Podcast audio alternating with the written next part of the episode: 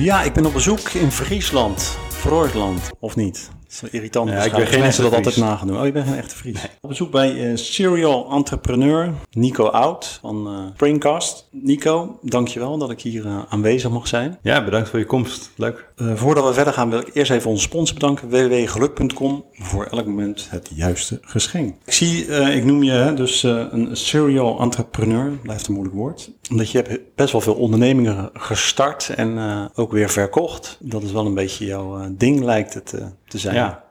Nou, het, sterker nog, het, is, eh, het ligt zelfs in mijn ambitie om, eh, om eh, meer bedrijven te bouwen in de toekomst. Hè, dus ook gewoon het bedrijven bouwen aan zich is bijna hobby geworden. Ja, ja, oké. Dus naast het inkomen gaat het vooral om, om het, het plezier wat ik eruit haal om een bedrijf te bouwen. Dus nu met vier, vijf bedrijven, serial entrepreneur, misschien iets aan de vroege kant. Maar in de toekomst zeker. Het is echt ambitie. Dat je meerdere, ja, dat je meerdere inkomstenstromen hebt. Of in ieder geval meerdere Ja, het gaat me niet eens... uitdagingen. Ja, nou, het lijkt me, ik, eh, ik geloof vooral in projecten. Dus eh, ik, eh, ik doe iets, er komt iets op mijn pad, dat sluit heel mooi aan. En dan vervolgens geloof ik dat er ook weer ergens een soort van einde zit aan, nou ja, waar je als ondernemer dan weer misschien moet uitstappen. Of, Ja, ja. Hey, ehm, ja, kan je ons meenemen naar toen je, je, begon als ondernemer? Wat, wat, wat is je eerste bedrijf wat je gestart hebt? De eerste, dat was echt eh, heel vroeg. Toen was ik eh 19. Dat was mijn eerste experiment. Daar heb ik vooral heel veel van geleerd. Eh, en dat was een eh, bedrijf dat heette Schone Lucht. En daar verkochten we luchtreinigers aan de horeca. Want het was in die tijd dat de horeca moest eh, stoppen met roken eh, binnen de cafés. En toen was er een soort van... goed werken nog? Ja, nou, er was er toen een maasje dat als je een luchtreiniger had, dan kwam je er in de horeca wel mee weg. Eh, nou, dat was heel tijdelijk, maar nou, in die tijd heb ik een bedrijfje gehad. Maar goed, daar heb ik vooral geleerd wat je moet doen om een bedrijf succesvol te maken.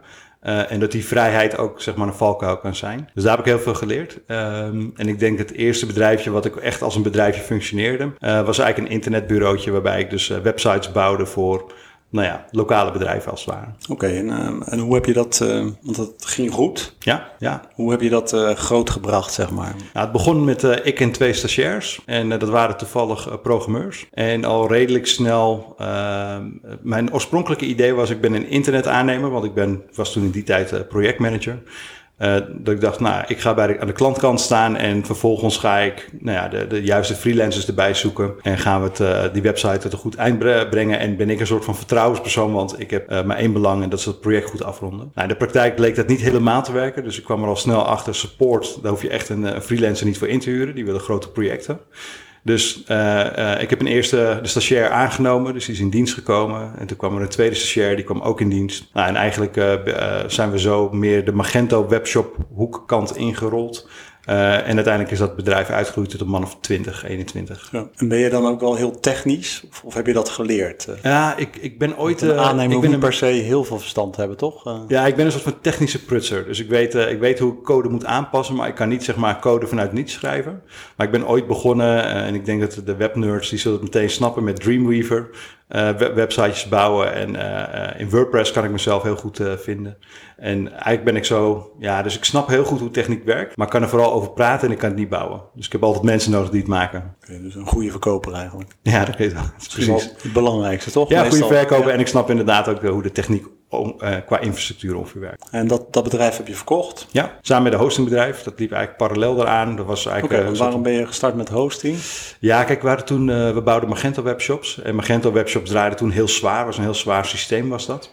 En er was geen goede hosting op dat moment. Dus toen zeiden we, nou, dan bouwen we het zelf voor onze eigen klanten. En ja, toen kwam op een gegeven moment de domeinnaam magentohosting.nl. Die werd ons aangeboden voor 500 euro. Achteraf bleek, omdat je die naam niet mag gebruiken. Eh, maar goed, het was toen de tijd, met name voor zoekmachine-optimalisatie, was dat een hele grote kans. Want ja, dan sta je, eh, zeker in die tijd, stond je meteen met zo'n naam bovenaan. Eh, dus dat hebben we toen eh, overgezet. En we stonden meteen bovenaan, dus de orders bleven binnenkomen. Het ging heel snel groeien. En toen kregen we de brief van Magento, die we op een gegeven moment wel hadden verwacht. Want we, het, inmiddels was ons wel verteld van dat mag niet. Maar je Eh, dan gewoon nog even snel... eh, ja, dus we hebben parallel daaraan ook een soort van overkoepelend brand, net als Coolblue hadden we, hebben we eh, opgestart, zeg maar, waar we langzamerhand kon, nou, in die tijd konden opbouwen.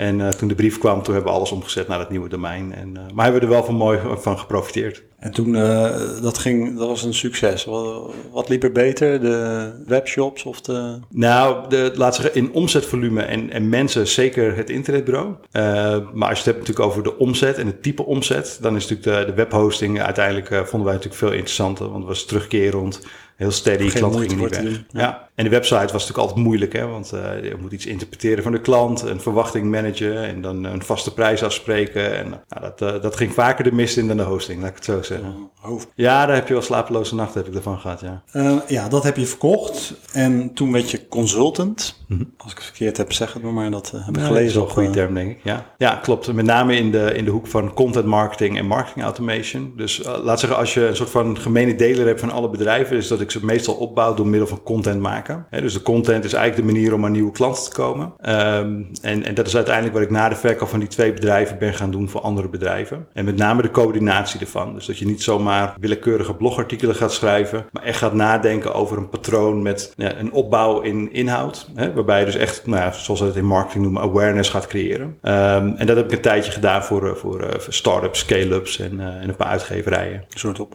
op interim basis of zo. Ja, Van- ja, klopt. Ja, en parallel daaraan ben ik gaan coachen. Dus uh, dat was met name vanwege het internetbureau dat een hoop uh, mensen uit de branche uh, zagen hoe snel waren gegroeid. Hè, binnen een paar jaar naar die 20 man. Dat er heel veel freelancers die nou ja, zeiden van nou, ik wil graag nu een bureau starten, want ja, ik zit vol. Um, of kleine bureautjes die nou ja, een grotere stap wilden gaan maken. Dus dat groeide eigenlijk heel snel. Dus, dus uiteindelijk kwam ik op een soort van ja, crossroad terecht, waarbij uh, zowel mijn marketingbureautje, wat inmiddels hè, als consultant groeide ik ook alweer snel naar een bureautje met, met vier mensen. Uh, eigenlijk weer op het pad kwam dat ook weer. Nou ja, die coaching werd eigenlijk ook alweer steeds drukker. Dus nou, moest ik een keuze maken. En toen ben ik eigenlijk gewoon uh, fulltime business coach geworden. En dan met name voor mensen in de nou ja, webmarketing communicatiehoek. Ja, ja. ja want uh, ik heb ook gelezen dat je op een gegeven moment 80.000 euro aan projecten, projecten binnenhaalde Mhm. per Ja. maand. Uh, ja, hoe doe je dat? Want ik denk dat uh, onze luisteraars daar heel uh, Ja, ja. nieuwsgierig naar Nou, la- laten we beginnen met zeggen dat, uh, dat, dat dat een red race was. Hè? Dus dat is ook de reden geweest waarom ik, waarom ik ermee ben gestopt met dat internetbureau. Is, uh, ja, als je op een gegeven moment 20 man hebt, dan moet je dus voor... Maar dat was het consultancybureau, zeg maar. Nee, nee, dat was echt het internetbureau. Ja, dus hoe haal je dat binnen? Nou, ik denk dat een van de meest wijze lessen die ik heb uh, geleerd... was ook destijds van een, uh, een investeerder slash mentor in het, in het bedrijf... was um, uh, die offerte die wij eruit stuurden voor 3000 euro... Die kon je ook verkopen voor 30.000 euro. Uh, en de, hè, dat is natuurlijk in het begin heel moeilijk hè, als je niet gewend bent om dat soort bedragen te vragen voor hetzelfde product. Uh, maar de afspraak was, je gaat het gewoon proberen en als ze niet vallen, nou ja, dan heb je het in ieder geval geprobeerd. En het grappige was, er vielen er meer. Dus uh, ik denk dat veel ondernemers geneigd zijn om te laag in te zetten. Waardoor je uiteindelijk dus moeilijk schaalbaar bent. Terwijl soms is het product, de waarde die het vertegenwoordigt, misschien wel tien keer zoveel waard. Alleen vraag je het niet. Dus ja, de, de trick was, ik moest ongeveer drie webshops per maand verkopen. En dan zat je op die 80k. Ja, ja. Alleen daarvoor met serieus 3000 genomen dan. Ja. Ja. Dan word je ook serieus genomen. Ja, nou, en als je, het, als je het heel eerlijk terugrekent, afhankelijk van je model, uh, uh, kon je ook wel achterhalen dat die 3000 euro helemaal niet uitkom. He, dus we gooiden er meer geld achteraan dan dat we ermee verdienden, maar we konden iedere keer net de rekening betalen. Ja, ja. Maar als je het echt goed wilde aanpakken, zeg maar, dan had je ook meer uren nodig. Dus nou ja, uiteindelijk kun je het wel goed uitleggen, alleen ja, dan moet dan wel weer de offerte tegenover staan. En het geloof dat je die offerte voor, dat, uh, voor zo'n bedrag uh, kunt winnen, zeg maar. Want dat is belangrijk, dat, dat geloof. Ja, ja het geloof zeker. Dus uh, ik heb echt letterlijk... hoe was dat dan in, in het begin? Dat je dat, ik heb dus echt letterlijk voor de spiegel geoefend. Dus deze webshop kost ongeveer 30.000 euro, daar beginnen we. Dat heb ik echt elke dag misschien wel 100 keer tegen mezelf gezegd. Ben je dan ook de klant na? Dat ben je niet. Zo duur? Ja. nee, ik dacht als die eerste cinema gewoon uh, overtuigend uitkomt, dan, uh, dan heb je de helft al gewonnen. Dus, dus gewoon um, het, het alleen al oefenen, dat het begint vanaf 30.000 euro, was genoeg. En daarna dan, uh, pakte ik wel, daarna kwam de rest wel. En het heeft echt geholpen. Echt een groot verschil. Ja, want je hebt het ook over dat je, je hebt processen en technieken om dus, hè, dat heb je geleerd, hm. snel op te schalen. nou, dit is waarschijnlijk één zo'n tactiek, techniek. Ja, ja. En hoe, ja, wat nog meer? Ja, kijk, ik denk dat uh, het hangt heel erg af wat voor business je hebt. Maar uiteindelijk uh, wat ik merk is dat netwerken heel belangrijk is. En niet netwerken in de, in de vorm van zoals je dat uh, kent van de feestjes of de borrels. Maar netwerken als in met... Uh, Samen ontbijten? Dat ja, precies. Dat doe ik dus. Ik heb het wel geprobeerd, maar dat heeft nog nooit iets opgeleverd. Maar netwerken als in like-minded people, misschien zelfs concurrenten. Hè? Dus praten met concurrenten, dat, dat was ja, voor mij vroeger, dat ik dacht, dat is echt not dan, ga je niet doen. Uh, totdat je een paar keer... nemen ze een gedeelte van je business over. Dan ja. was je misschien bang dat... Uh... Ja, of, of, kennis delen van ja, hè, de dingen die ik nu, hè, de problemen die ik heb gefixt, dan gaan zij ermee in de haal. Terwijl, hè, dat zou misschien een concurrentievoordeel kunnen zijn. Maar ik denk dat ik in, in die tijd meer heb geleerd van mijn concurrenten dan dat zij van mij hebben geleerd. Misschien wel gelijkwaardig, maar laat zo zeggen, het was altijd meer dan de moeite waard om met concurrenten te praten. Um, en wat je natuurlijk zag, was dat mensen op een gegeven moment even zelf vast zaten qua capaciteit. En dan een klant doorstuurde, want ja, ik was de concurrent waarmee ze wel uh, af en toe een bak koffie deden. Dus ik denk dat netwerken in, ja, in een bepaald domein, dat dat echt uh, goud waard is geweest, ook als je het hebt over een bureau. Ja, ja. En gaat het om een product, dan gaat het juist heel erg weer om zo'n... Er zijn altijd van die cellen van mensen die allemaal met elkaar kletsen. En je moet gewoon één iemand in zo'n cel enthousiast maken. En die verbind je dan weer met nou ja, andere mensen in de cel. En voordat je het weet heb je nou ja, eigenlijk een soort van heel netwerk opgebouwd van ambassadeurs. Dus ambassadeurs naast content is denk ik een hele belangrijke en daarna heb je natuurlijk gewoon, ja, afhankelijk van wat werkt, advertising of social media, dat soort zaken. Maar kwam je dan ook wel op, op netwerkborrels? Nee dat niet? Omdat er dan daar niet de, de juiste nee. mensen... Nou, kijk, wat ik merk is dat... Uh, tenminste, voor mij persoonlijk is gewoon... als je goede, diepgaande gesprekken wil hebben... dan doe je dat niet op een netwerkborrel. over het algemeen komt iedereen daar om steroids. Uh, niemand is van plan om bij één iemand een uur lang te praten... want eigenlijk wil je daar op zijn minst tien mensen gesproken hebben. Dus het is veel te vluchtig. En zelf je verhaal doen, hè? Ja, exact, exact. Dus nee, ik deed altijd één op één. Vooral één op één. Maar uh, hoe moet dat praktisch zien? Je belde gewoon je concurrenten van... dacht, nou, misschien is er een synergie ja, kom ja langs voor een, een keer een bak koffie, doen. Ja. we zitten in dezelfde branche en uh, misschien een keer een kop koffie doen en, uh, en eens een keer uh, kletsen over waar het in de branche heen gaat. Ja, mooi. En, en die content, want je zei het al, je was ook een soort funnel specialist volgens mhm. mij. Ja, ja. Dus je maakte content en dan zorgde je ervoor dat je die mensen in die funnel trok en die namen dan dienst af. Ja. Kun je daar eens iets over vertellen? Hoe dat, dat is natuurlijk helemaal, nou hot is het niet meer. Het is volgens mij over zijn hoogte. Het is alweer passé, ja. ja. Dus not dan een funnel? Ja. Nou, kijk, wat je ziet is, je hebt inderdaad de, uh, en dat was ook denk ik mijn bestaansrecht, je hebt heel erg de shady funnel. Ja, dat gaat over uh, pressure cooken en, en ja, allemaal, allerlei psychologische tricks inzetten om mensen eigenlijk te vroeg over de streep te trekken en, en zoveel mogelijk geld verdienen. En je hebt de funnel, zeg maar, zoals de, een degelijke funnel. Kijk, en dat, gaat, dat is een veel meer een, een langzamer proces. Dus het gaat heel groot bewustzijn creëren. En ik heb daar ooit wel een mooi eh, blogartikel uh, geschreven op mijn blog. Staat er volgens mij nog steeds wel. En dat gaat over awareness creëren. En dan heb je Um, uh, je hebt eigenlijk uh, vijf stages. Hè, dus je hebt uh, mensen die zich helemaal niet bewust zijn van een probleem. Dus ja, die, die moet je niet targeten, want ja, je verkoopt ze iets wat ze, waarvan ze niet eens weten dat ze het nodig hebben of dat ze een probleem hebben. Dan heb je mensen die zijn probleembewust. Dus ze, hebben, ze weten, ik heb een probleem, maar ik weet nog niet welke oplossingen ervoor zijn. Dan heb je oplossingsbewuste mensen die weten van oké, dit zijn de problemen, dit zijn de verschillende oplossingen, maar ze hebben nog niet gekozen voor een type oplossing. Nou, daarnaast heb je, uh, dan krijg je de mensen die zijn bewust van de oplossing. Nou, en dan willen ze nog weten wie van de partijen kan dat oplossen. Nou, en als je mensen daar doorheen loodt, door die vijf stappen, uh, dan is het eigenlijk een heel logisch proces. En het mooie is, de mensen die je niet wil hebben, dus de klanten die waarschijnlijk geld gaan kosten omdat het niet matcht of weet ik veel wat, die vallen af. Ja, want dat is ook uh, een van de belangrijkste dingen van zo'n funnel. het kaf van het uh, koren uh, scheiden. En wat overblijft zijn mensen die hoef je niet eens meer te verkopen. Dus je dan target je ook niet op die lead, zeg maar, met je advertenties bijvoorbeeld. Ja, alleen in, de, in, die lead, in dat lead proces moet je ze dus eigenlijk met behulp van content, moet je ze dus gaan schiften. Want de mensen voor wie het interessant is, die blijven hangen. En de andere mel mensen melden zich af. Dus ook bedrijven die sturen op zo min mogelijk drop-offs in een mailinglijst. Ja, die verklaar ik voor gek. Want het is, A, je betaalt vaak voor die gebruikers, hè, voor die nieuwsbriefinschrijvers. En 9 van de 10 zijn alleen maar geïrriteerd als je weer mailt. terwijl als je je lijst schoonhoudt, uh, dan kun je met 100 hele goede mensen kun je echt een hele business draaien. Ja, ja en ook, uh, je ziet die reputatie dan ook naar beneden gaan van je mail. Ja, in, precies. Gmail bijvoorbeeld. ja, zeker. Ja, nou, interessant. Maar hoe deed je dat dan toen je die webshops verkocht?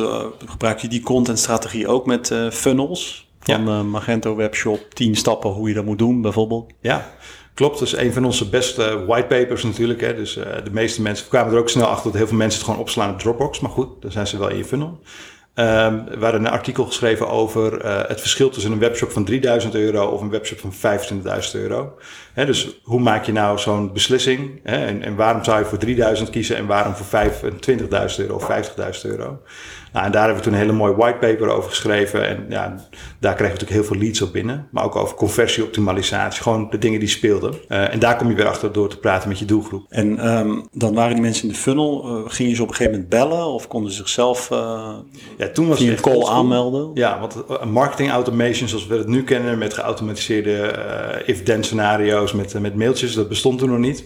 Dus toen was het heel vaak, het kwam het mij binnen en ik belde meestal meteen. Ja, ja. En dat vonden heel veel mensen... eh, Als ze van- dat, eh, die paper gedownload Ja. hadden. zeg maar. Ja, ook gewoon meteen bellen. Dus de meeste, de, het, eh, het algemene advies was, dan moet je altijd een paar dagen tussen laten zitten, want het is natuurlijk spooky. Maar goed, dat was weer de openingszin. Ik weet dat het spooky is, hè, maar ik zag dat je dit aanvroeg en eh, ik heb je webshop bekeken. en super interessant ben je. Nou, en zo raak je toch in gesprek en vinden ze het eigenlijk best wel sympathiek. Ja, ja. Het ligt er maar net aan hoe je dat eh Ja. vormgeeft, zeg maar. Ja, als je het gewoon eh, gelijk de, de angel eruit haalt dan, eh, op een sympathieke manier, dan kom je er vaak wel mee weg. Dus dat is dan ook wel jouw kracht dat je dus die acquisitie gewoon altijd in je hebt. Ja, Is dat nu nog steeds dat je altijd gewoon vol, vol erop, niet te lang laten wachten, niet bang zijn dat je een stalker bent of irritant? Ja, ik geloof echt in vol erop, zeg maar. Dus als je een offerte aanvraag binnenkrijgt en je denkt het is slim om 10 minuten te wachten, dan, eh 10 minuten zou je het van mij verliezen, zeg maar. nee, kijk, weet je, het is altijd de eerste die belt, die gaat het, het eerste het proces in. En niemand heeft zin om een bepaald proces twee of drie keer te doorlopen. Dus de eerste wint gewoon. Dus eh, bij ons is ook gewoon de afspraak, als er ook bij Springcast een aanvraag binnenkomt, er wordt gewoon echt binnen, zo snel als dat we hem zien, wordt er gewoon meteen gereageerd en een afspraak gepland. Dus ik denk dat eh, die snelheid is heel belangrijk. Uh, en ik denk uh, verkopen door niet te verkopen. He, dus je moet niet gaan pushen op de sales, maar gewoon vragen stellen, advies geven en gewoon wachten tot de klant zegt: en wat kunnen jullie hierin betekenen? In plaats van meteen je oplossing te pitchen.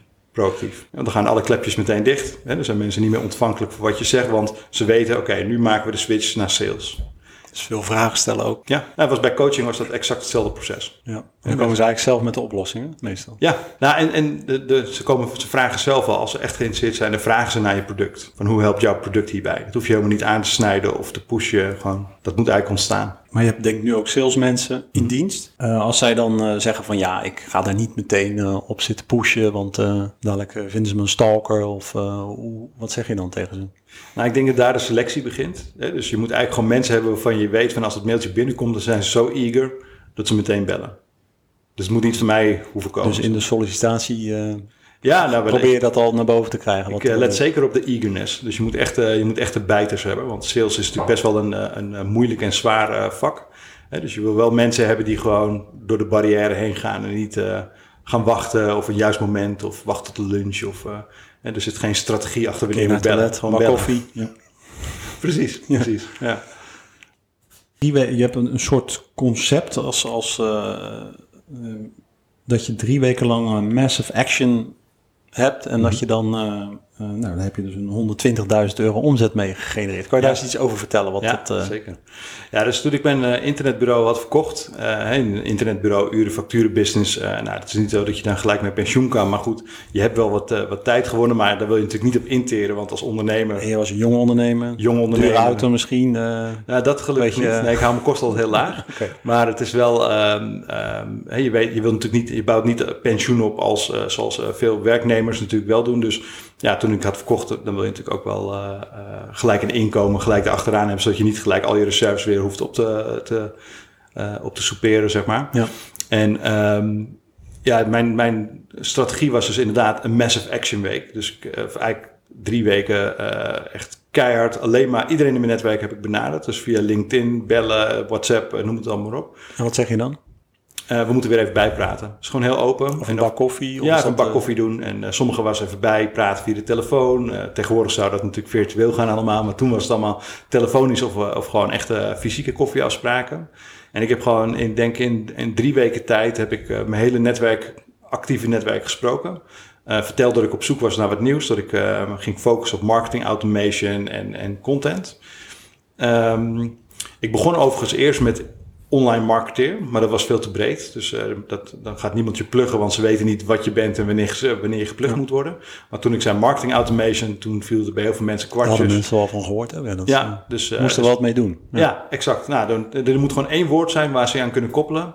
En dan weet je netwerk, oké, okay, als dat woord valt, moet Nico naar binnen. Um, en dat heb ik toen uh, bij, nou, bij en iedereen verteld. En ik denk dat ik zelfs tot, ik denk misschien nog wel drie jaar daarna, nog steeds uit die eerste ronde drie weken mensen spreken, nog steeds leads binnenkreeg. Van ik heb toen de tijd eens gehoord van die, dat jij iets deed met marketing automation. Dus, kost nu eigenlijk heel veel tijd eigenlijk. Ja, ja. Dus, nee, dat is het nadeel van massive action. Ja, ja nee, de, de, precies. De nasleep is vrij lang. Nee, maar goed, dus, dus dat, was, dat is iets wat ik uiteindelijk ook als coach met heel veel klanten heb gedaan. Is gewoon echt een soort van massive action week over het algemeen. gewoon je hele agenda leeg en één main focus. En dat is dan of sales of marketing of iets voor elkaar krijgen. En gewoon al het andere moeten voorwijken. Nou, dan, dan sta je soms te kijken van hoeveel je kunt bereiken in één of drie weken, zeg maar. En uh, toch even praktisch gezien, oké, je belt uh, dus drie weken lang mensen op. Hm. Je zit bij tien mensen aan tafel, een bakje koffie te drinken en alle tien hebben ze zoiets van ja, het is leuk Nico, maar uh, daar zitten we nu niet op te wachten of ik weet niemand die je kan helpen. Hoe, hoe ga je daarmee om of gebeurde dat nou, Alle afspraken gingen zo. Dus ik heb geen idee. Uh, goed om te weten. En ik heb nu niks in mijn netwerk. Ik, kan me niet, ik, kan niemand bedenken die dit nu nodig heeft. maar daarom werkt 10 ook niet. Het moeten er echt 100 zijn of zo. He, dus gewoon, ook al heb je geen 100 mensen die je echt actief mag benaderen, omdat je in het begin van je carrière staat. Iedere afspraak kun je weer gebruiken van, ken je iemand met wie ik hier even over moet praten? Of kun je me introduceren bij iemand die in het netwerk zit? en je moet gewoon minimaal 100 hebben. Want het is gewoon schieten met hagel. Ja. Uh, en in mijn geval kwam daar één klus uit voort meteen. Nou, dat was al, hè, je had het over die 120k. Uh, dat was al op, op zichzelf al 8k per maand. Hè, gewoon recurring. en, en daaruit, daarna volgden eigenlijk gewoon nog een paar die dat weer aanvulden tot de rest. Hè, maar dan zie je eigenlijk gewoon, als je op 100 schiet, dan hoef je er maar drie je ergens te introduceren. en misschien heb je twee klussen die je eruit haalt en dan ja, zit je gebeiteld. Dus het is belangrijk om echt wel het, het grotere plaatje te zien. Ja. Niet te veel nadenken. Nou, ik heb een. Uh, nee, en, uh, een iedereen is netwerk. Of het nou de, de conciërge is bij de, bij de voetbalclub of zo. Kijk, ze kennen allemaal mensen, ze komen allemaal verjaardagsfeestjes. Het is gewoon iedereen. Je kunt ze wel prioriteren natuurlijk, waar je de grootste kans maakt. Maar gewoon iedereen benaderen. Ja. En op verjaardagen dan uh, vertel je ook graag over je business, omdat het dan misschien... Uh... Nee, eigenlijk niet. Nee? Nee. nee ik moet zeggen, privé praat ik bijzonder weinig over, over de business. En ik denk dat dat gewoon te maken heeft met. Nou, sowieso dat privé privé is, maar wat ik, eh, daar blijft het vaak op de vlakte. Hè. De mensen in mijn netwerk privé, die komen uit een hele andere werelden. Uh, kijk, en uh, ja, als je dan de diepte in wil gaan, ja, op een gegeven moment raak je mensen gewoon kwijt. Dus meestal blijft het redelijk oppervlakkig en uh, focussen ons op de, de gemene delers die we privé hebben in plaats van zaken. Ja, en door de week praat je natuurlijk al genoeg over je Ik wou net business. Zeggen, ja. ja. Oké. En doe je dan ook actief, zeg maar, um, want je hebt het over van, nou, weet jij misschien iemand die dat kan gebruiken? Dus mm. het gesprek gaat zo, ja, ik weet het niet, leuk dat we weer elkaar gesproken hebben. Dan stel je altijd die vraag, weet je misschien iemand die het wel... Ja, zeker. Ja, dat is echt een hele goede afsluiter. Is er iemand met wie ik zou moeten praten die dit interessant vindt, of die mensen kent die dit interessant vinden, of iets dergelijks? Ja. Ja, ik merk in mijn salescarrière dat mensen dan ook zeggen, nou, ik zal het eens vragen en dan uh, bellen ze jou wel. Heb je daar dan ook een tactiek voor dat je zegt, nou... Nee, ik geloof nog steeds uh, in dat stadium van de massa. Gewoon, hoe meer mensen, hoe groter de kans is dat er een paar het wel doen, zeg maar. Ja, oké. Dus je, je hebt niet van, ik uh, geef mij het nummer, dan bel ik ze even. Nee, kijk, ik denk dat het, als je, dus in die Massive Action Week gaat het om niet denken, maar gewoon doen. Dus dan schiet je gewoon met hagel. Maar als je, te, als je eenmaal ongoing bent, zoals het stadium nu met Springcast, dan ga je juist gerichte netwerken. Dus ga je meer kijken van, hey Maurice, ik zie dit, ik wil graag binnenkomen bij die en ik zie dat jij er iemand kent.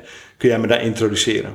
Ja, ja, ja. dus dan is het weer gerichter en dan gaat het meer om kwaliteit in plaats van kwantiteit. Ja. Dus uh, heb je daar dan ook een shift in dat je wel, uh, ik kan me ook zo voorstellen als je twintig gesprekken hebt gedaan, dat je denkt van, oh ja, ik moet toch meer iets directer kijken van uh, waar toch die doelgroep zit? Mm, nee. nee. In de Massive Action Week gaat het gewoon niet over nadenken. Dus dat is gewoon gas geven en, en het lijstje afwerken. En, en later zeker. Hè, dan, kijk, als je natuurlijk op een gegeven moment up and running bent, dan wordt je tijd veel schaarser. Dus dan, kijk, in het begin heb je te veel tijd en te weinig leads en afspraken. Ja. En op een gegeven moment heb je nou ja, te weinig tijd en heel veel afspraken. En dan moet je veel kritischer zijn met wie je natuurlijk afspreekt en zelfs wie je opneemt aan de telefoon, zeg maar. Omdat ja, je tijd is gewoon echt extreem schaars op een gegeven moment. Hoe kom je bij dat idee? Ja, nou ik moet zeggen, dan ga ik een naam noemen waar ik nu niet meer helemaal achter sta. Maar nee, ik ga niet, nee, ik wou bijna een naam Maar nou, er is een, er is een, een sales guru die dat... Uh, een Amerikaan volgens mij. Want het, ja, Grant Cardone. Oh ja, nee, die ken Daar was ik, ik uh, vroeger helemaal fan van. En uh, nu... Uh, ik ben er nog steeds wel fan van. Ja? ja, je moet wel een beetje door het Amerikaanse heen. Ja, hij wordt mij nu te Amerikaans. Maar ik moet zeggen, in, zeker in, in, in het begin van zijn... toen hij echt op YouTube... En toen heb ik veel van hem gekeken, zijn boeken gelezen. En toen was ik echt fan. En hij heeft de, de 10X. En eigenlijk is 10X is ook een soort van massive action als je het nou ja, hij was massive action was eigenlijk zijn term. En ik heb het gecomprimeerd tot één tot drie weken, zeg maar. Ja, hij heeft het weer van die oudere man, en ik ben even zijn naam kwijt, ook zo'n sales guru, een van de eerste in Amerika. En die zei dan... Brian Tracy? Ja, ja en die zegt dan gewoon, ja, als je dus 100 mensen belt, dan, uh, en zoals in jouw geval 120.000 euro omzet, dan is eigenlijk elk belletje, ben niet zo goed in overrekenen, is een bedrag waard. Ja, en zo kan je ja. het ook zien. Ja. Dus, Nee, daar geloof ik heilig in. En uh, uh, ik moet zeggen dat ook nu, ik heb het dan iets vervormd. Dus ik vind uh, de massive action, dat was wel, nou dat kan ook heel destructief zijn. Hè? Dat betekent dat je natuurlijk heel veel andere dingen niet meer doet. Nou, als je ergens in het midden zit, dan kom je daar niet meer mee weg. Dus dan moet je dat veel genuanceerder doen. Dus dat heb ik bij coaching, noemde ik dat vaak het sprinten en marathonnen, zeg maar. Dus sprinten gaat over focus op en dan besteed je 70% van je tijd aan één specifiek doel. Uh, en de rest van de 30% gaat over nou ja, de rest van de ballen in de lucht houden. En een marathon, hè, dus dat, die sprint die hou je misschien een maand vol of maximaal een half jaar. Uh, maar daarna dan ga je echt, dan gaat het ten koste van andere dingen. en dan moet je eigenlijk weer naar een marathonachtige stijl. En dat betekent gewoon weer juist heel doseren, misschien ook dan tijd. Moet je ook leveren misschien wat je verkocht hebt. Ja, ja. ja. Dus, dus met Springcast um, zijn we ook zo begonnen. Echt keihard sprinten zes maanden lang. Uh, gewoon, en dan werk ik ook s'avonds en in de weekenden en in de marathontijd, zeg maar. Dan werk ik juist niet in de avonden en niet in de weekenden, omdat ik dan juist weer investeer in rust en juist inzichten krijgen. En, en dan ga je in een heel ander patroon. Ben je dan vanaf acht uur s ochtends aan het bellen tot acht uur s avonds? Moet ik het zo zien? Nee, nee, nee. nee. Nou, kijk, sowieso met Springcast is een heel ander soort business. Dus Ja, met, uh, met coaching was het, uh, had ik echt um, nou, op zijn minst één of twee salesafspraken per dag. Uh, maar werkte ik alleen maar tussen 10 en 3. Eigenlijk was dat een marathonfase van mijn carrière. Dus ik werkte tussen 10 en 3 en niet op woensdag en niet in de weekenden en niet s'avonds. Um, en bij Springcast, uh, ja, ik heb zoveel op mijn bordje dat, dat ik niet alleen maar sales kan doen. Ik zou het het liefst wel meer doen. Uh, maar ja, we hebben ook te maken met product en met personeel en allemaal dat soort zaken.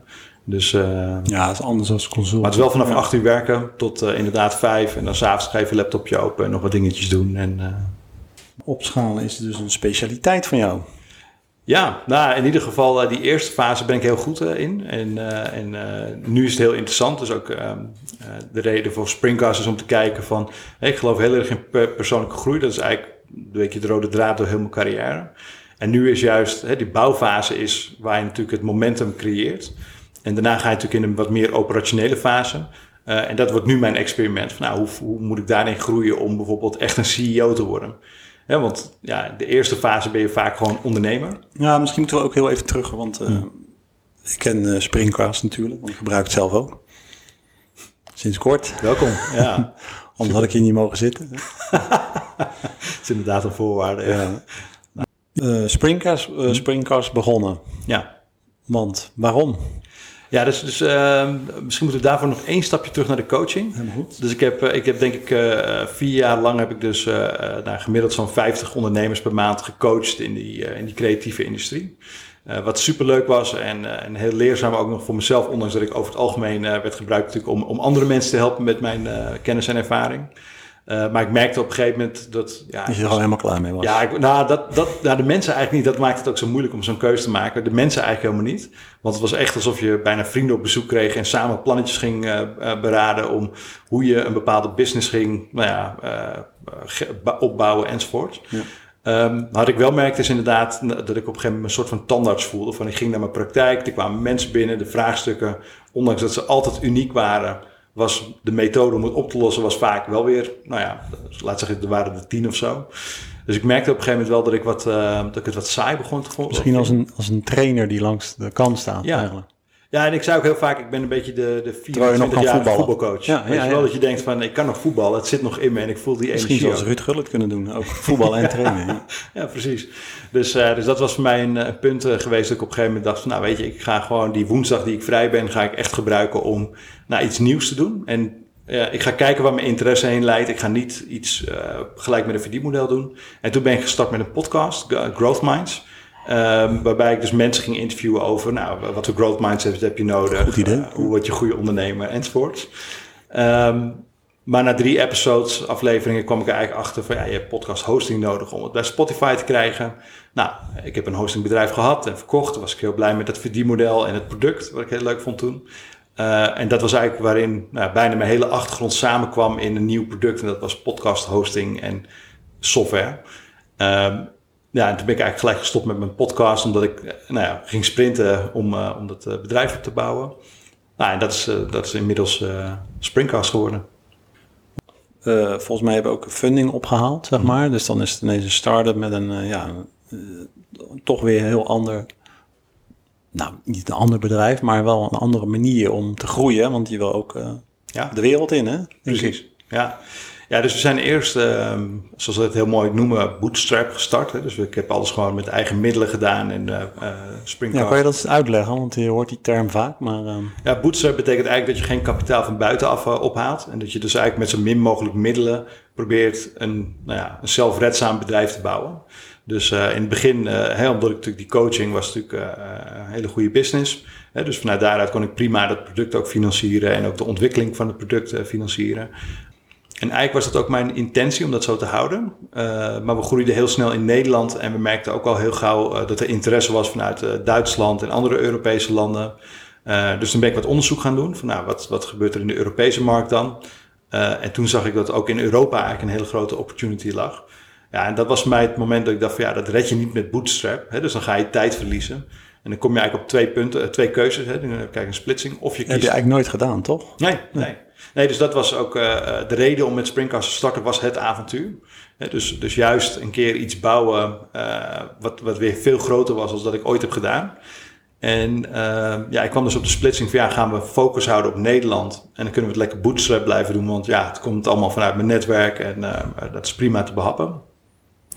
Of ga je proberen de Europese marktleider te worden, omdat die ligt nog helemaal open. Niemand heeft, dat, uh, heeft uh, die positie geclaimd of is daar echt goed op weg. Moet snel zijn. De winner en dan moet je, toch? Precies. En dan moet je dus heel snel zijn. En ja, dan moet je dus uh, kapitaal op gaan halen. Dus dat hebben we in oktober hebben we een, een eerste fundingronde afgerond. En, en daarmee zijn we dus naar de UK gegaan en naar Duitsland. Maar ging dat dan heel makkelijk? Want je vertelt het heel makkelijk, van nou, even wat kapitaal ophalen. Maar... Nou, je kent nou, natuurlijk wel veel ondernemers. Dus ja. ja, ik ken veel ondernemers en uh, ik heb een compagnon die ook uh, een enorm netwerk heeft, zeg maar. Dus, uh, dus uiteindelijk uit ons netwerk konden we wel redelijk snel ook... het zijn met name particulieren in het begin geweest. dus, dus ja, dat, dat ging relatief eenvoudig. Um, en, en het groeien zelf ook eigenlijk. Dus, dus we kwamen eigenlijk makkelijker binnen in Duitsland en UK dan verwacht. Uh, in Nederland hebben we echt hele grote klanten zoals uh, nou, noem maar op, overheden en grote corporates uh, en onderwijsinstellingen. Ehm, in het buitenland halen we meer de wat kleinere, de ZZP'ers en de, en de particulieren binnen, wat ook op zich prima is. Um, maar dat ging eigenlijk ook wel makkelijker dan verwacht. We dachten dat we eerst moesten gaan inzetten op de kleine landen zoals Spanje. en later eh, door, die, hè, door die, groei die we hebben doorgemaakt, uh, de stap maken naar Duitsland en, en de UK. Hm. Maar eigenlijk kunnen we dat al vrij direct doen. Dus dat is eigenlijk een hele mooie meevaller ook.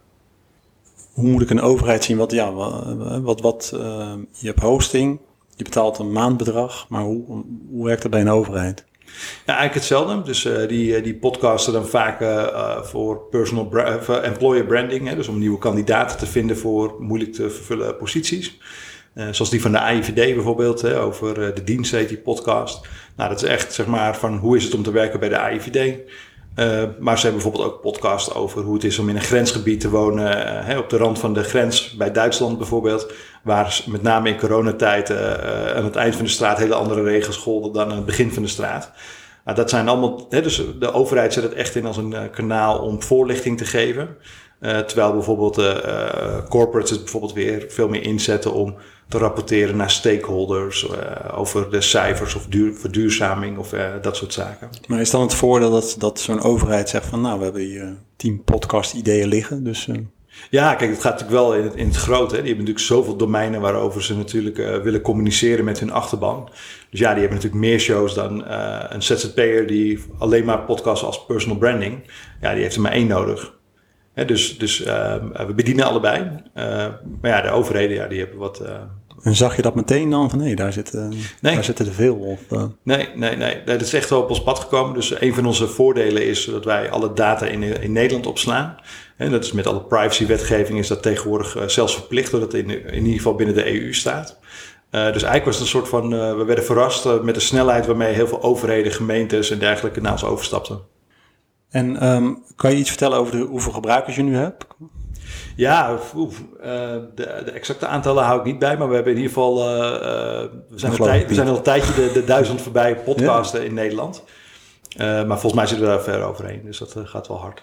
En, en, waar komt nou de meeste groei uit? Waar komen de meeste gebruikers uit? Wat is de manier?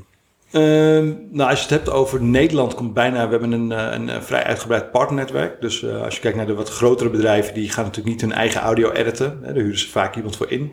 Een agency of een producer of iets dergelijks. En daar hebben we 71 partners en die leveren gewoon nou, elke dag natuurlijk gewoon nieuwe klanten aan, omdat ja, die moeten ook ergens gehost worden. dus dat is een heel grote. En de andere, ja, vanuit netwerk, marketing en content. Ja, jullie doen ook veel met uh, AdWords. En, uh... Ja, met name in het buitenland zien we dat, uh, dat AdWords heel groot is. In Nederland is dat wat kleiner, omdat we daar meer uit het netwerk halen. Maar zeker in Duitsland en UK, waar we geen netwerk hebben, zie je dat het meeste komt uit Google AdWords. Doe je dat met een bureau daar in Duitsland of juist hier in Nederland? Nee, nee gewoon Nederlandse freelancers. We werken altijd met freelancers voor dat soort taken. Omdat je dan nou ja, echt weet wie er aan de knoppen draait. En bij een bureau is dat vaak wat lastiger. En stuur je dan constant op ja, uh, dat het uitkomt, zeg maar, ja, de, de ja. rekening? Nee, we hebben echt uh, marketing dashboards waar ik elke dag in kijk en, uh, en waar we dan sturen op basis van de data. dus als er, een, als er hier een keer onder zit, gaan we niet gelijk bijsturen, maar dan, dan gaat er wel gelijk een belletje naar de specialist van houd in de gaten als het morgen weer zo is. Dan moeten we overleggen. Dus nee, je moet er bovenop zitten. Het gaat om veel geld wat je natuurlijk insteekt. dus uh, als, je, als je op maandbasis gaat sturen, dan, uh, dan kun je er flink naast zitten. Ja, maar is het moeilijk om uh, ineens de juiste meting te hebben? In ieder geval dat je Hè, wat ze zo mooi zeggen, altijd euro erin stopt. En, uh, ja, het, het, is... Hoe snel, um, ja, of hoe snel stop je? Of hoe snel, hoe, ja, hoe lang ga je verder? Ja, kijk, het, het, belangrijkste is dat je, dat je weet wat je doel ermee is. Dus uh, zeker in het begin ging het ons niet eens per se om dat het winstgevend moest zijn. Maar we wilden gewoon weten wat kost het om een klant te acquireren in Engeland. En wat kost het om een klant te acquireren in Duitsland, Zweden, noem het allemaal maar op. Um, en vervolgens ga je terug beredeneren van nou, waar kun je dan uh, de snelste groei met ons budget realiseren. Nou, daar heeft het dus mee te maken met ja, hoeveel levert een gemiddelde klant in zo'n land op. Uh, hoeveel kost het om hem te acquireren? Hoe lang blijven ze daar gemiddeld? Uh, nou, en dan maak je rekensommetjes. Kijk, en dan weet je, oké, we moeten double down op uh, Duitsland en Engeland en niet op Spanje of Frankrijk. Of, hè, dus je moet echt de, de, de rekensommetjes echt helemaal maken. En hoe doe je dat dan als je met het managementteam, uh, ik weet eigenlijk niet of dat er is, maar besproken heb van ja, in Engeland willen we gewoon heel veel groeien. En blijkt het daar eigenlijk uh, onbetaalbaar te zijn. Nou, dat is het mooie. Wij werken andersom. Dus wij kijken, we beginnen met een experiment. En op basis daarvan besluiten we met z'n allen van oké, dit, dit lijkt ons de beste manier. En we werken ook op basis van data. Dus als blijkt dat na een maand uh, Duitsland toch efficiënter is dan de UK en we waren begonnen in de UK, dan gaat het roer gewoon om en dan focussen we daarna op Duitsland. Dat voelt misschien als pingpongen, maar je moet, denk ik, zeker als je een beperkt budget hebt, zeg maar, om uh, een hele Europese markt te pakken, moet je gewoon focussen op waar je met de minste weerstand de beste klanten kunt kopen. Uh, en als dat tussentijds verandert, ja, dan uh, moet je flexibel genoeg zijn om, om dat roer weer om te gooien. Ja. En dat doe je sowieso met heel het marketingbudget. Oké, okay, daar komen de meeste gebruikers uit die het langst blijven. Hm.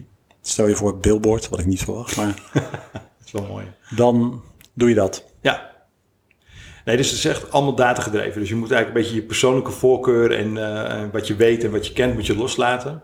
Dus wat ik ook meestal, ik noem dat een tractietest. Dus wat ik vaak doe is aan het begin, is dat je een soort van test gaat doen waarin je een bepaald budget allokeert op allemaal verschillende kanalen. Tot van Pinterest tot TikTok, Facebook, uh, LinkedIn, noem het allemaal maar op.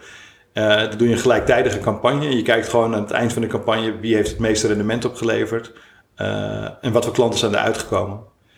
En dan bepaal je prioriteit ook voor je budget. Maar hoe kijk je naar nuances of uh, die freelancers? De ene is misschien heel goed uh, met zijn AdWords en de andere is Pinterest specialist. En, uh... Ja, nee, je moet, kijk, en dat is natuurlijk mijn voordeel, is dat ik uit het netwerk kom. Dus ik weet wie de goede freelancers zijn en ik weet wie ik moet hebben. En, maar het, het, het, kiezen van de juiste freelancer, daar zou ik het meeste tijd in investeren.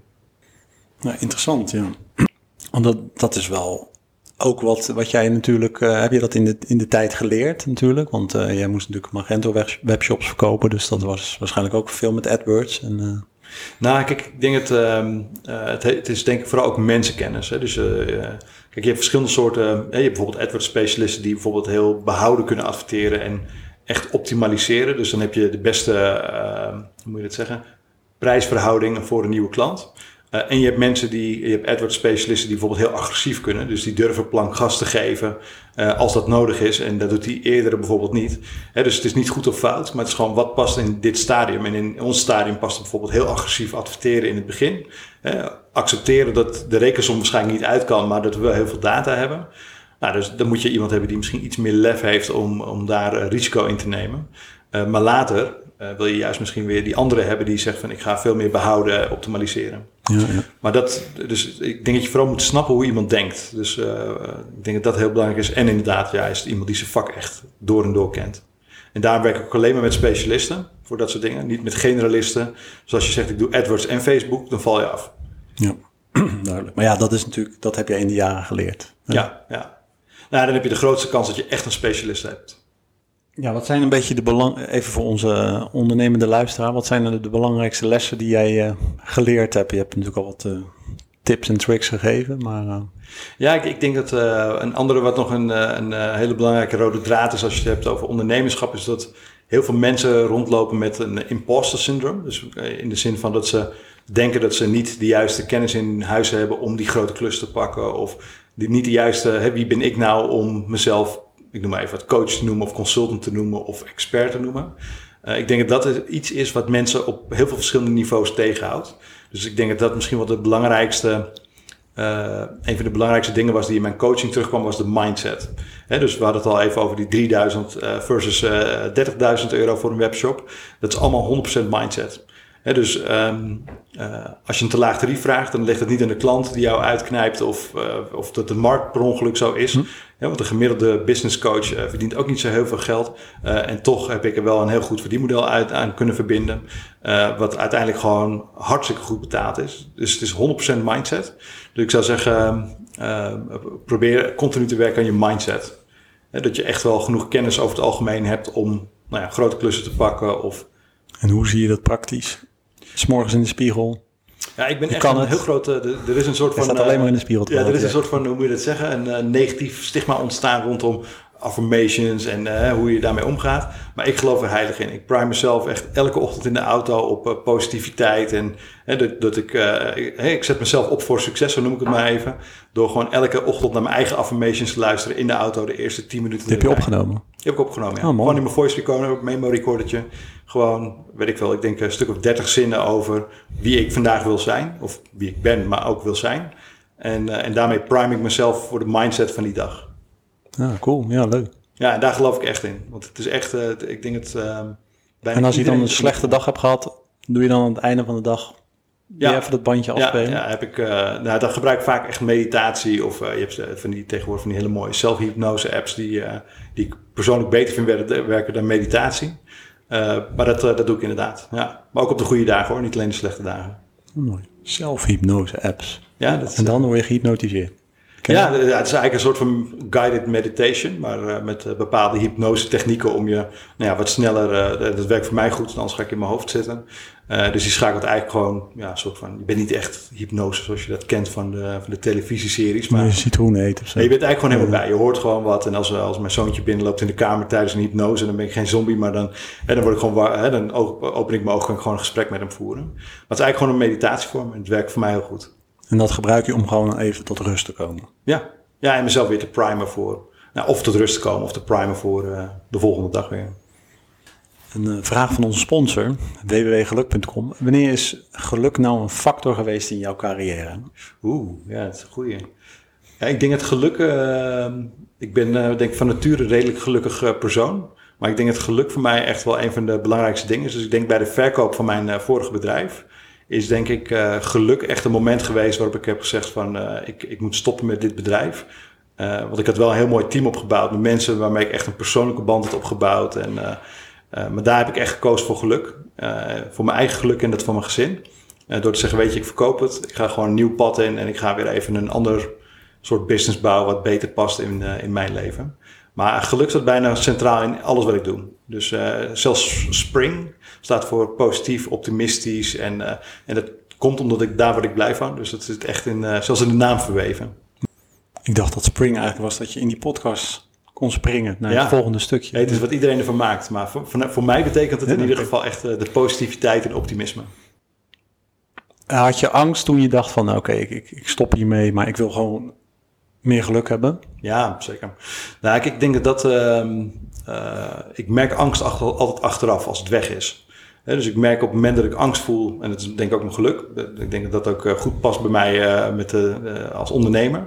Maar ik merk pas de angst als het weg is. Dus ik heb zeker, zeker als je natuurlijk... ehm, eh, in die tijd stond ik er ook heel anders voor met het internetbureau. En was de keuze eigenlijk veel zwaarder. En eh, ja, dan heb je natuurlijk wel de angst van... ja, wat gebeurt hierna? Weet je, ga ik wel iets nieuws vinden? Of, en als ik iets nieuws vind, eh, ga ik het dan wel weer... Hè, want je hebt, eigenlijk was dat internetbureau mijn eerste wat grotere succes.